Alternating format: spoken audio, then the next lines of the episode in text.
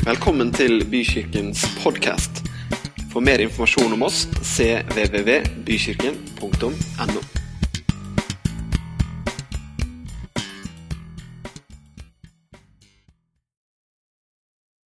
Jeg tror eh, helt ærlig at Gud vil snakke til oss i dag. Jeg tror han vil snakke til mange av oss, også meg selv. Så jeg bare håper at vi er åpne og lar Gud snakke til hjertene våre. Jeg bare starter med å be en liten bønn. Takk, pappa, for at du er til stede. Takk for at vi kan lene oss i deg. Takk for at vi kan komme til deg og finne fred og hvile. Ber for alle som sitter i dette rommet i dag. Takk for at du digger hver en av oss så sykt mye. Takk for alle gavene du har gitt oss. Takk for eh, all glede du har med å bare henge med oss. Jeg ber for alle nye som er her i dag. Jeg ber om at de skal merke din fred. At eh, alt de har hørt som er negativt om deg fra før, jeg ber om at de skal legge det vekk og bare møte deg på en helt ny måte i dag, Gud. Møte din godhet. Takk. Amen. Yes. Før jeg setter i gang, er det mye føss i mikken, eller? Er den litt nærme? Går greit? Langt vekk? Er det bra? Litt ned? Sånn. Ser ut som Justin Bieber. Det er bra. Jeg skal prøve å ikke skrike for mye. så det blir ikke så mye sånn. Men eh, Sist søndag så var det noen som spurte eller det ble lufta litt her, hva den W i navnet mitt står for. Jeg heter jo Nikolai W. Wilhelmsen. Eh, W-en står for Walter, for de som lurte. Og jeg skal fortelle kjapt den historien hvordan jeg fikk det navnet. Jeg satt, eh, i hvert fall sånn jeg husker det Hvis det, jeg sier noe feil, pappa, så får du bare rette meg. Hvor er pappa egentlig? Der, ja. Kult. Så det som skjedde var at Jeg satt på gutterommet mitt i Nordlysveien. Uh, vi var naboer til Gro André. sitter der.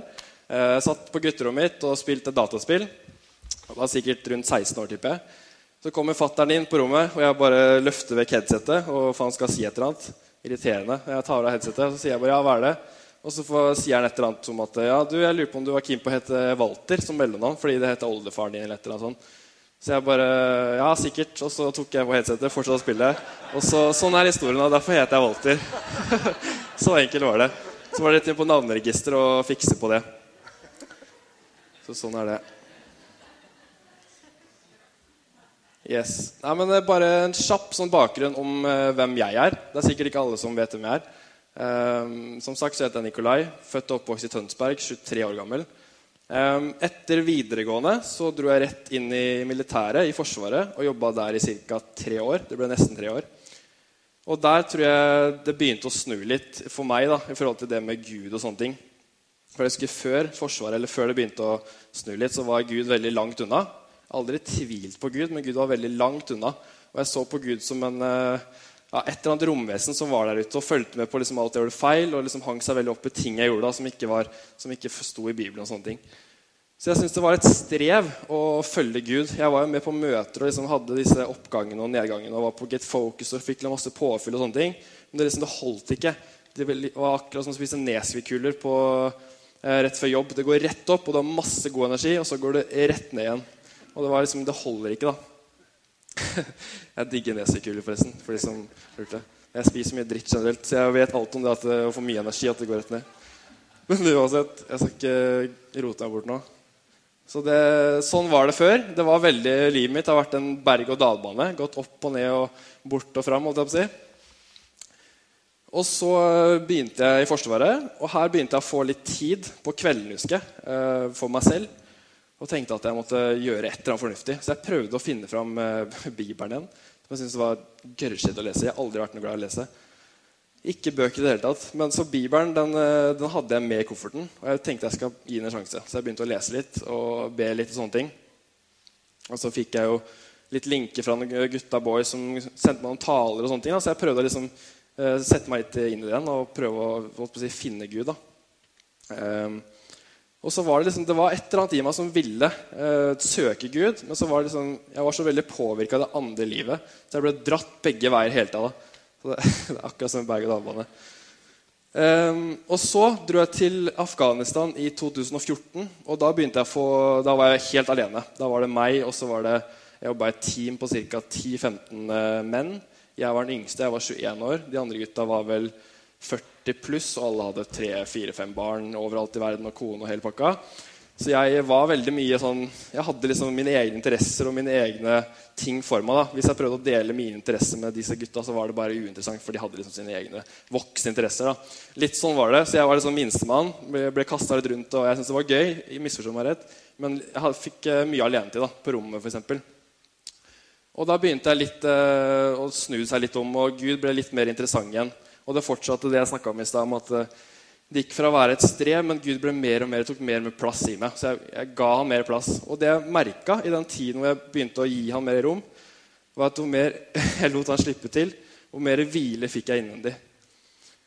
Og det er det litt jeg skal snakke om i dag. Jeg merker jeg blir rørt bare av å tenke på det. Jeg skal ikke begynne å grine nå. Shit. Ok. Sorry, altså. Yes. Etter Forsvaret Jeg slutta Forsvaret i fjor. Um, og dro på en DTS. Det er altså en disippeltreningsskole som var i Australia. Også kalt for en bibelskole. Hvor uh, ja, Ikke spør meg hvordan jeg havna der. Jeg skulle aldri Åh, oh, Gud, altså. Shit, det er kul. Og så 23-åring står her og sipper på scenen liksom, på byskikken. Ok. Så jeg dro på en DTS, en bibelskole i Australia. Og jeg vil si at det er takket være familien min som har stått Shit, altså. Ja. Familien min som har stått i bønn. Det her suger oss. Det må bare vise sårbarhet. Sånn er det. Gud er god. Uansett. Jeg dro på bibelskolen, og der begynte ting å skje. Da merka jeg hvor, hvor, personlig Gud ble da i livet mitt. Fra å være så langt unna til å bli en kompis, en bestevenn som jeg kunne henge med hver dag. Jeg kunne sitte på toget og snakke til han som om han var Edvin, som er bestekompisen min, som hadde stått rett ved siden av. Jeg kunne fortelle om problemene mine, om dagen min, hvor kjipt jeg hadde hatt det. Og Gud var alltid til stede. Sto der med åpne armer. Ja, gikk litt ut av notatene mine. Det står ikke at jeg skal grine notatene, bare så det er sagt. Ok, La oss hoppe litt inn i ordet, eh, så får jeg prøve å samle meg litt. Vi skal lese i dag fra Lukas kapittel 10. Hvis dere har med en bibel, er sikkert, alle har sikkert en iPhone, så hvis dere vil lese der, så er det bare å flekke opp den. Men eh, vi skal lese litt fra Lukas kapittel 10. Hvis noen lurte på tittelen, jeg vet ikke om jeg sa det, men det er å finne roen med Gud. Det skal jeg snakke om i dag. Det å finne ro og fred. Um, yes. Vi leser fra Lukas 10, vers 25 37. Jeg glemte kanskje å si det i stad, men som jeg sa, så var Bibelen ufattelig kjedelig bok for meg før. Men nå har jeg bare funnet ut hvor levende det greiene her er. Det er ikke tull engang. Det er så levende. Det er veldig kult. Så da er det plutselig gøy å lese. Og I hvert fall for mamma som har fulgt meg opp alle skoleår, vet hvor kjedelig jeg syns det er å åpne en bok. Så det at jeg syns det er gøy å lese det her, det er bare et uh, testimony i seg sjæl. At uh, Gud uh, er kul. Uansett, Lukas 10, vers 25-37. Det er sikkert mange som har hørt den historien før. Og se, en lovkyndig, altså en advokat eller en dommer, sto fram og fristet ham, altså fristet Jesus, og sa, 'Mester, hva skal jeg gjøre for å arve evig liv?' Han sa til ham, 'Hva står skrevet i loven? Hvordan leser du den?' Svarte, han svarte og sa, 'Du skal elske Herren din Gud av hele ditt hjerte og av hele din sjel' og av all din kraft og all din forstand, og din neste som deg selv. Wow, det er sykt. Da sa han til ham, 'Du svarte rett. Gjør dette, så skal du leve', sier Jesus. Enkelt og greit. Men så sier mannen Han ville teste Jesus litt, og liksom, han var ikke helt ferdig da, med Jesus, så han fortsetter. Han ville rettferdiggjøre seg selv og sa til Jesus, 'Og hvem er min neste?' Jesus tok opp dette og sa Han kommer med en historie. Typisk Jesus. Når du stiller ham et spørsmål, så kommer han med en historie, og så stiller han deg et spørsmål. Så Jesus, Jesus svarer en mann gikk fra Jerusalem til Jeriko. Det var en veldig travel vei på den tid, og, bland, og, falt blant røvere. De både kledde av ham og slo ham og gikk bort og lot ham ligge igjen halvdød. Nå traff det seg slik at en prest dro ned samme veien, og han så mannen og gikk forbi. Likeså kom en levitt til stedet og så mannen, men gikk også forbi. Men en samaritan som var på reise, kom også dit mannen lå. Og da han så ham, fikk han inderlig medfølelse med ham. Han gikk bort til ham, forbandt sårene hans og helte olje og vin i dem. Og han løftet ham opp på sitt eget dyr og førte ham til et herberge og pleiet ham. Neste dag tok han fram to denarer altså penger for de som ikke skjønte det, ga dem til verten og sa 'plei ham'. Og hva mer du måtte legge ut, det skal jeg betale deg igjen når jeg kommer tilbake. Takk skal du ha. Har du en Red Bull, forresten? Nei da. Ufattelig dårlig spøk. Yes. Denne historien her den har sikkert alle hørt på forskjellige måter. Eh, men eh, jeg skal fortelle litt om hva jeg Ja, kjempelurt der. Hører man nå, eller? Yes? Det går bra. Ok. Det er historie to, som vi skal lese fra Lukas 10. Jeg skal fortsette. Etter denne historien så kommer vi til en helt annen historie. Er, eh, altså I Bibelen så er det historien rett etter denne historien, men det er to helt forskjellige historier som er, man kan tolke på forskjellige måter. Så det fortsetter. Lukas, nå er Lukas 10, 38-42. Mens de var på vandring, kom han inn i en landsby, og en kvinne ved navn Martha tok imot ham i sitt hus. Hun hadde en søster som het Maria. Hun satte seg ved Jesus' føtter og lyttet til hans ord. Bare se for deg det som skjer her. For at jeg skal forstå hva jeg leser, så må jeg se det for meg. Så se for deg at uh, Jesus kommer inn i rommet, setter seg ned på en stol. Maria, uh, Martha løper rundt, vasker opp, støvsuger, tørker støv, sjo hei, sånne type ting. Mens Maria hun bare chiller'n. Hun setter seg ned ved føttene til Jesus og bare kikker på ham. Liksom. Og bare åh, Jesus. Bare lær meg å leve som deg. Hun bare sitter der og tar livet helt med ro. I hvert fall sånn jeg ser det. Men Martha var travelt opptatt med alt som skulle stelles i stand. Hun gikk da bort til dem og sa Altså Martha gikk bort til, eh, Maria og Jesus og sa Herre, du bryr deg ikke om at søsteren min har latt meg bli alene og tjene deg. Si da til henne at hun skal hjelpe meg. Det er akkurat som jeg skulle Hvis Tabita hadde sittet Hvor er Tabita? Det er søsteren min, forresten.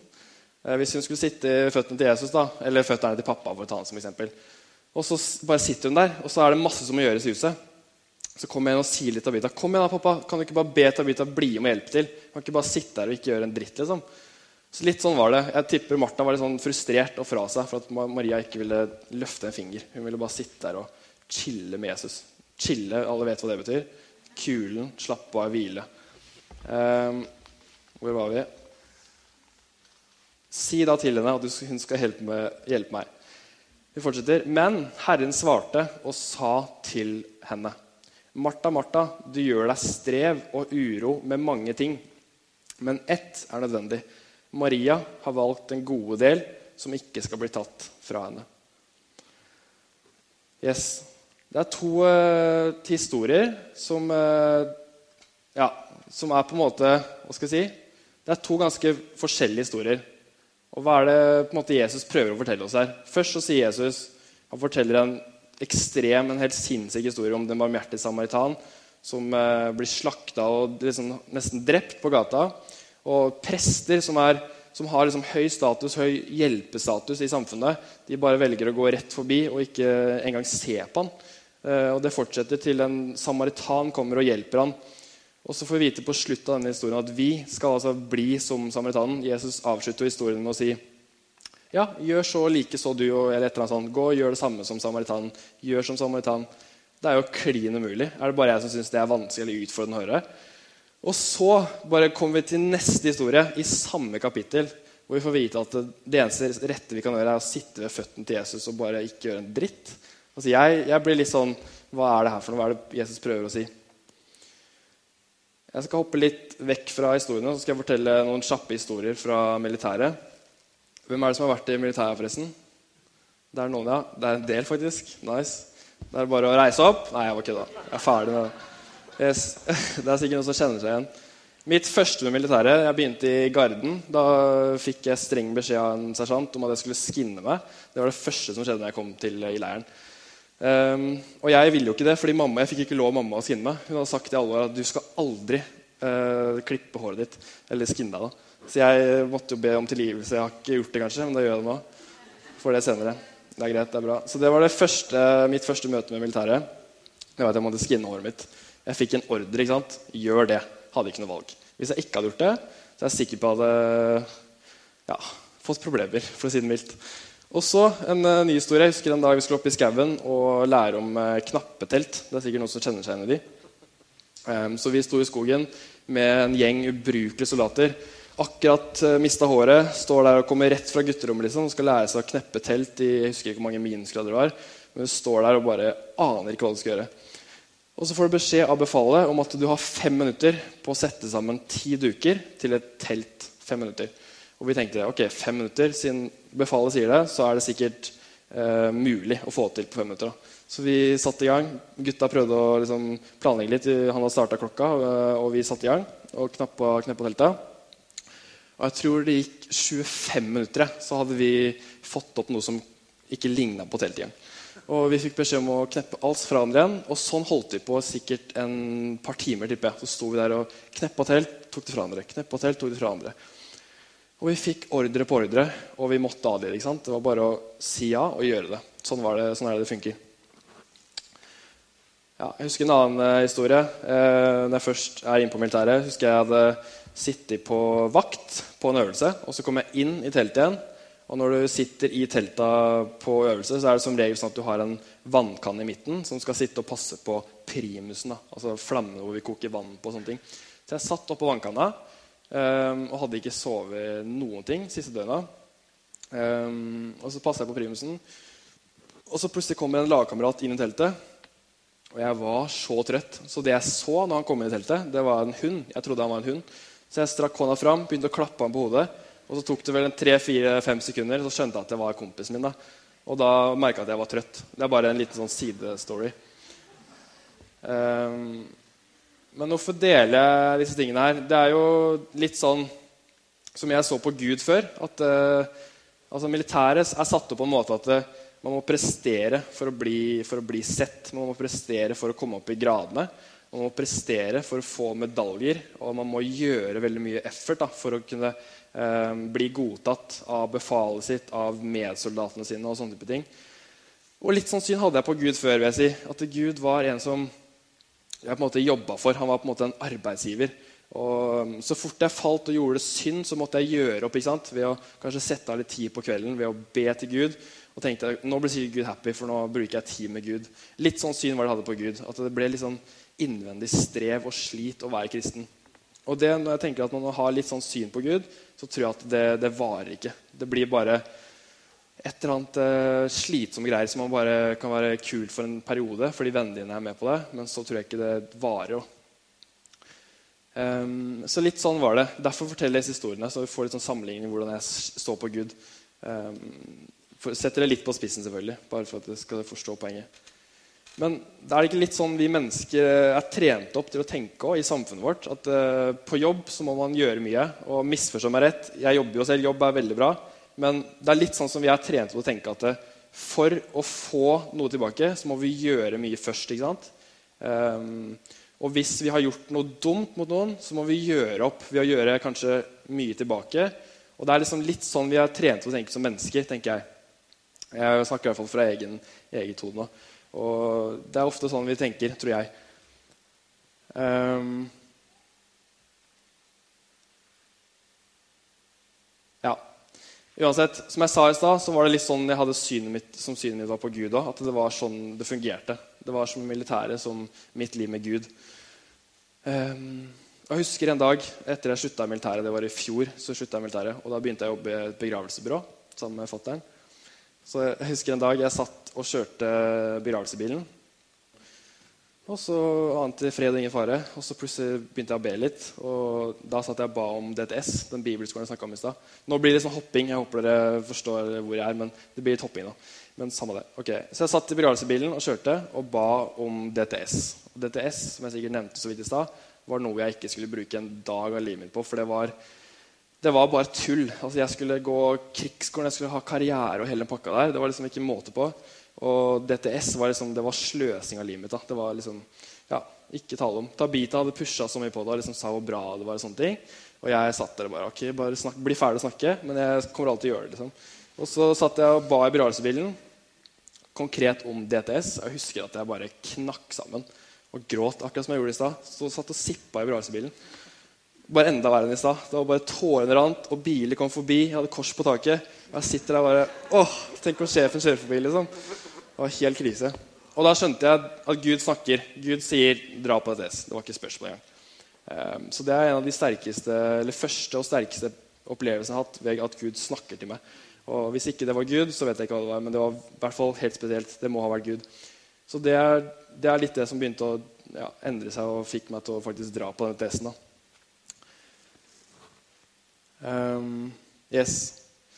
Uansett, nå har du hørt masse fra mitt liv. Um, og um, det som jeg tror er kanskje litt sånn oppskriften, da, for å bruke det ordet, til å kanskje finne litt sånn hvile og fred med Gud, det tror jeg er å se på barna våre. Eller se på barna. Jeg har ikke barn, men se på barna til Tabita og Jay. da, Noah, f.eks. Jeg skal vise en liten snutt etterpå som sikkert noen av dere har sett, som ligger på Facebook. Men det tror jeg er litt sånn jeg tror de, Vi har mye å lære av de, da. Og jeg blir veldig utfordra selv når jeg ser hvordan Noah bare chiller hver dag. Han, eh, han, setter, han setter, seg ikke ned og liksom Å, Gud, nå må du hjelpe meg. hjelpe, hjelpe meg. Han bare går rundt, har det gøy, leker, chiller, har det fett og tar livet med ro. Det er liksom ikke noe snakk om å slite seg ut eller streve eller jobbe for å få ting. Han bare har det gøy og nyter liksom landskapet som Gud har skapt. Og, bare, og litt sånn altså, um, Vi kan ikke leve som Noah. Vi, må jo på en måte, vi er jo voksne mennesker. Men jeg tror det er noen trekk fra disse små søtnosene som vi kan dra ut og lære litt av, faktisk. Så jeg skal vise en tre minutters snutt, og så kan dere bare sette, sette dere ned i godstolen, spise litt popkorn. Det var kanskje ikke Einar? Nei. Sette dere ned i godstolen, og så kan dere bare tenke litt på deres eget liv. Jeg vil bare utfordre dere nå til å tenke på hvordan dere kan lære av det dere ser på skjermen. Hvordan Noah løper rundt og leker i sin frie, frie verden. Har du filmen, eh, Sebastian? Ja, jeg skal gå ned fra scenen. Da kan vi bare starte.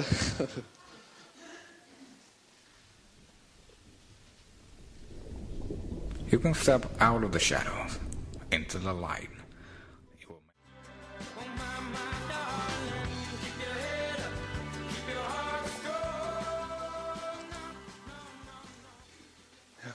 Hva tenker dere når dere ser det her? Nei, jeg, skal ikke ha noen applaus. Det er ikke det jeg er ute etter. Men eh, tusen takk. Jeg tenker i hvert fall at vi har mye å lære av disse små barna. Um, jeg tror det er litt sånn Gud hadde skapt oss òg, til å leve. Litt sånn som barn. Han kaller oss for barn i Bibelen. Og ja Vi får hoppe tilbake til uh, ordet, så det blir litt sånn uh, uh, Bibelen inni her òg. Men tilbake til historie 1, som vi leste i stad. De som vil følge med, kan gjøre det. Lukas 10, vers 25-37. Det vi leser, det er jo en, en, advokat eller en dommer som er ute etter å sette Jesus litt fast. ikke sant? Og vi tenker kanskje fort at det, åh, det, han her må være en slem mann som er ute etter å liksom, prøve, teste Jesus. på en måte. Men jeg tror ikke det. Jeg tror, jeg tror den mannen her er egentlig en helt vanlig mann som har skjønt det, at det å være en samaritan eller det å elske sin neste som seg selv, det er klin umulig. Vi har ikke sjans som mennesker. Um, jeg har jo nok med å bare ikke klikke på folk i trafikken. Hvis det er folk som ikke blinker ut av rundkjøringa, så er det fristende å ta fram hånda. Men jeg prøver å ikke gjøre det. Men det er fristende. Apropos blinke ut av rundkjøringa. Morfar pleier alltid å si hvis det er noen som glemmer å blinke, så sier han alltid ja, jeg fulgte ikke med blinklys på den bilen der. Sier han litt sånn, litt sånn frustrert. da. Det synes jeg er litt morsomt. Men uh, uansett, tilbake til historien. Jeg tror den mannen, altså den lovkyndige, som Bibelen sier, um, er en helt vanlig mann som har bare skjønt at det ikke er mulig å klare det uten Jesus. Så sier han, ehm, 'Mester, hva skal jeg gjøre for å arve evig liv?' Han begynner der. Og sier Jesus, Han sa til ham, 'Hva står skrevet i loven? Hvordan leser du?' Han svarte og sa, 'Du skal elske Herren, din Gud, av hele ditt hjerte og av hele din sjel' 'og av all din kraft og all din forstand' 'og din neste som deg selv'. Da sa han til ham, 'Du svarte rett. Gjør dette, så skal du leve', sier Jesus. Høres veldig enkelt ut. Så fortsetter vi. Men han ville rettferdiggjøre seg selv og sa til Jesus Han spør Jesus hvem er min neste. Hvem er min nabo? Hvem er det jeg skal elske? ikke sant? Hvem er min neste? Og Jesus tok opp dette og sa så forteller han den ekstreme historien. Det blir litt repetisjon, men det er fordi det er en veldig fin historie. så er det greit å høre to ganger. En mann gikk fra Jerusalem ned til Jeriko, og han falt blant røvere. De både kledde av ham og slo ham og gikk bort og lot ham ligge igjen halv død på bakken. Ganske ekstreme ord fra Jesus. Jesus som er så god og bra, forteller denne ekstreme historien. Han spurte bare etter en beskrivelse av hvem er min neste. Så kommer Jesus og bare med denne historien. tenker jeg da, litt sånn. Um, yes. Nå traff det seg slik at en prest dro ned samme vei, og han så mannen og gikk forbi. Altså, Se for deg Bent Ove, for eksempel. Da. Det er det er urealistisk at Bent Ove ikke ville stoppa. Men se for deg Bent Ove. Ville gått forbi, så ser han kanskje meg, da, som ligger liksom halvdød der, med tunga ut og blod og gørr og sjo her. Og så bare Nei, bare fortsetter han videre. Jeg skal på byskikken og tale, liksom. Jeg har ikke tid til å hjelpe Nico.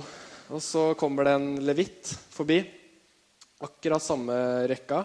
Han ser mannen som ligger halvdød på bakken, men han går forbi. Han gidder ikke hjelpe. Men så kommer det en samaritan som var på reise. Han kom dit, også dit mannen lå, og så ham og fikk medfølelse for ham. Det begynte å skje ting på innsiden. Han fikk lyst til å hjelpe ham. Um, han gikk bort til ham, forbandt sårene hans og helte olje og vin i dem. Han løftet han opp på sitt eget dyr, sikkert et esel, eller noe sånt, satte han på dyret og førte ham til sykehuset. Um, herberget, står det i Bibelen, og pleiet ham. Ikke nok med det. Neste dag tok han fram to denarer, eh, ga dem til verten og sa, 'Plei denne mannen, og hva mer du måtte legge ut, skal jeg betale igjen når jeg kommer tilbake.' Så altså, det her er bare sånn Det er helt sykt, spør du meg. da. Hvordan eh, har du hjerte til å gjøre så mye for en person som du ikke kjenner? En person som er eh, ja, en ødelagt person som er bare full av dritt, liksom. Og så er han villig til å betale penger for å hjelpe mannen. Han er villig til å gjøre så mye da, for at mannen skal uh, bli frisk og hel. Så fortsetter historien. Så sier Jesus til advokaten, eller den mannen som spurte han, hvem av disse tre synes nå å vise seg som å være de neste for ham som falt blant røvere? Han sa, mannen svarte, jeg tror den som viste mest barmhjertighet mot ham, svarte han. Det er jo riktig, det. Det er jo det vi tenker. Ikke sant? Og så sier Jesus, så enkelt som han er, gå du bort og gjør likeså. Gå bort og gjør sånn som samaritanen. Så enkelt er det. ikke sant? Det er jo ikke det. Det er jo ikke så enkelt i det hele tatt.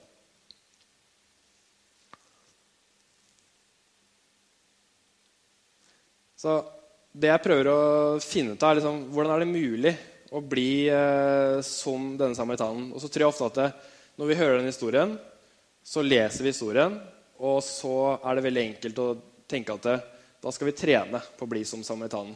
Vi må begynne å jobbe. Vi må sette av dager i uka, samles som kirke eh, og vise kjærlighet til byen vår fordi det er det Bibelen sier. Vi må samle oss eh, i Farmasredet og dele ut penger til folk. Bare sånn kjempedårlig eksempel. Eh, vi må liksom vi må bruke vår egen styrke og trene opp og bli som samaritanen. Men er det da, er det liksom, har vi lyst til å gjøre det, eller er det fordi vi gjør det fordi boka sier at vi skal gjøre det? Er det noe som sier til oss innvendig at vi har lyst til å bli som samaritanen? Eller er det fordi Jesus sier at vi skal bli det, at vi blir det? Hvis dere skjønner litt sånn greia.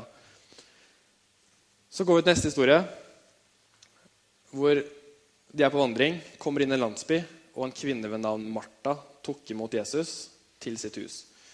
Martha hadde en søster som het Maria.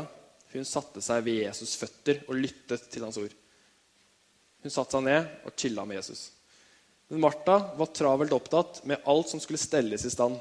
Hun gikk da bort til dem og sa, 'Herre, bryr du deg ikke om at søsteren min har latt meg bli alene med å tjene deg?' 'Si da til henne at hun skal hjelpe meg.' 'Tabita, jeg snakker til deg.' Nei da. Men Herren svarte og sa til Martha.: Martha, Martha, du gjør deg strev og uro med mange ting.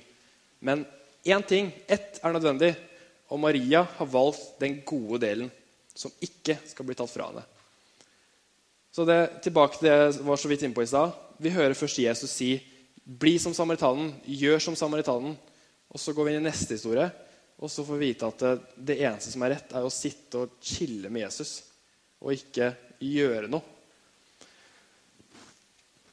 Martha er jo i våre øyne, i menneskeøyne, den barmhjertige samaritanen. Martha tjener jo Gud. Hun, jo, hun, jobber jo for Jesus. Hun vil at Jesus skal trives i rommet, trives, ha det bra. Hun mekker sikkert litt cappuccino, kanskje kakao. Jeg vet ikke hva Jesus liker å drikke. Kanskje han til og med fikk en Red Bull. Og var, Det var ikke måte på hvor bra Jesus skulle ha det. Martha var bare gønna på og brukte liksom all energi hun hadde for at Jesus skulle ha det bra. Mens Maria hun bare gjør ingenting. Hun vil bare sitte med Jesus og se på ham. Se på øyenbrynene hans. Se på de blå, vakre øynene hans. Jeg vet ikke hvilken øyefarge han hadde. Men hvis ikke dette er forvirrende, så vet ikke jeg. Altså. Er det noen som har noe svar? Nei da. Jeg, eh, jeg har et svar som jeg tror kan hjelpe oss litt. Eh, hvis vi tenker på den barmhjertige samaritanhistorien eh, hvis, hvis, dere tenker tilbake til hvordan jeg beskrev livet mitt før, eh, hvor ødelagt det kunne høres ut som, hvor langt vekke jeg var fra Gud, hvor gøy det var å liksom, gjøre alt annet enn det Gud sa vi skulle gjøre. Eh, jeg var rett og slett ødelagt, da, for å si det rett ut. For å sette litt på spissen. Og Hvis du sammenligner, si at det, kanskje vi er den mannen som lå halvdød på gata. Og så er Jesus den barmhjertige samaritanen. Ikke sant? Det gir litt, litt annet perspektiv. At Jesus hva han gjorde det på korset? Han døde og tok på seg all vår synd. Tok på seg all vår skam. det å sitte igjen. Ok, Han tok på seg all vår skam. Og litt sånn er det med den barmhjertige samaritanen. Ikke sant? Han bruker penger, energi og bare er så keen på å hjelpe til at han faktisk velger å dø på et kors ikke sant? for å redde oss. Hvis ikke det er kult, så vet ikke jeg.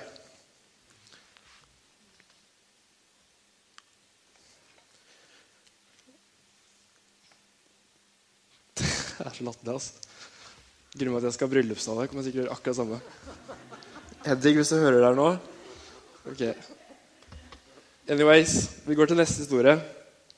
Hvis vi nå har nytt syn på den første historien om at Gud, eller Jesus, er den barmhjertige samaritan, og vi er den som ligger halve på veien, og så får vi beskjed litt senere i Lukas kapittel 10 at det eneste vi trenger å gjøre, det er å sitte med Jesus og bruke tid med Jesus. Og så gir Jesus oss et siste bud. Vi har jo de ti bud, ikke sant? Bare for å ta det kjapt òg. Mange tenker at det, de ti bud er ti kommandoer. Så gå tilbake til Forsvaret. Hvis du ikke gjør disse ti budene, så kan du like godt bare ja, gi opp troa. Sånn er det ikke, tror jeg. Jeg tror de ti bud kan også bli kalt for ti oppfordringer til et godt og sunt liv. Og, men uansett, tilbake til det. Eh, Jesus gir oss et siste bud, som er det ellevte budet. Visste dere det? Det er elleve bud. Da står det 'elsk mennesker og elsk Gud'.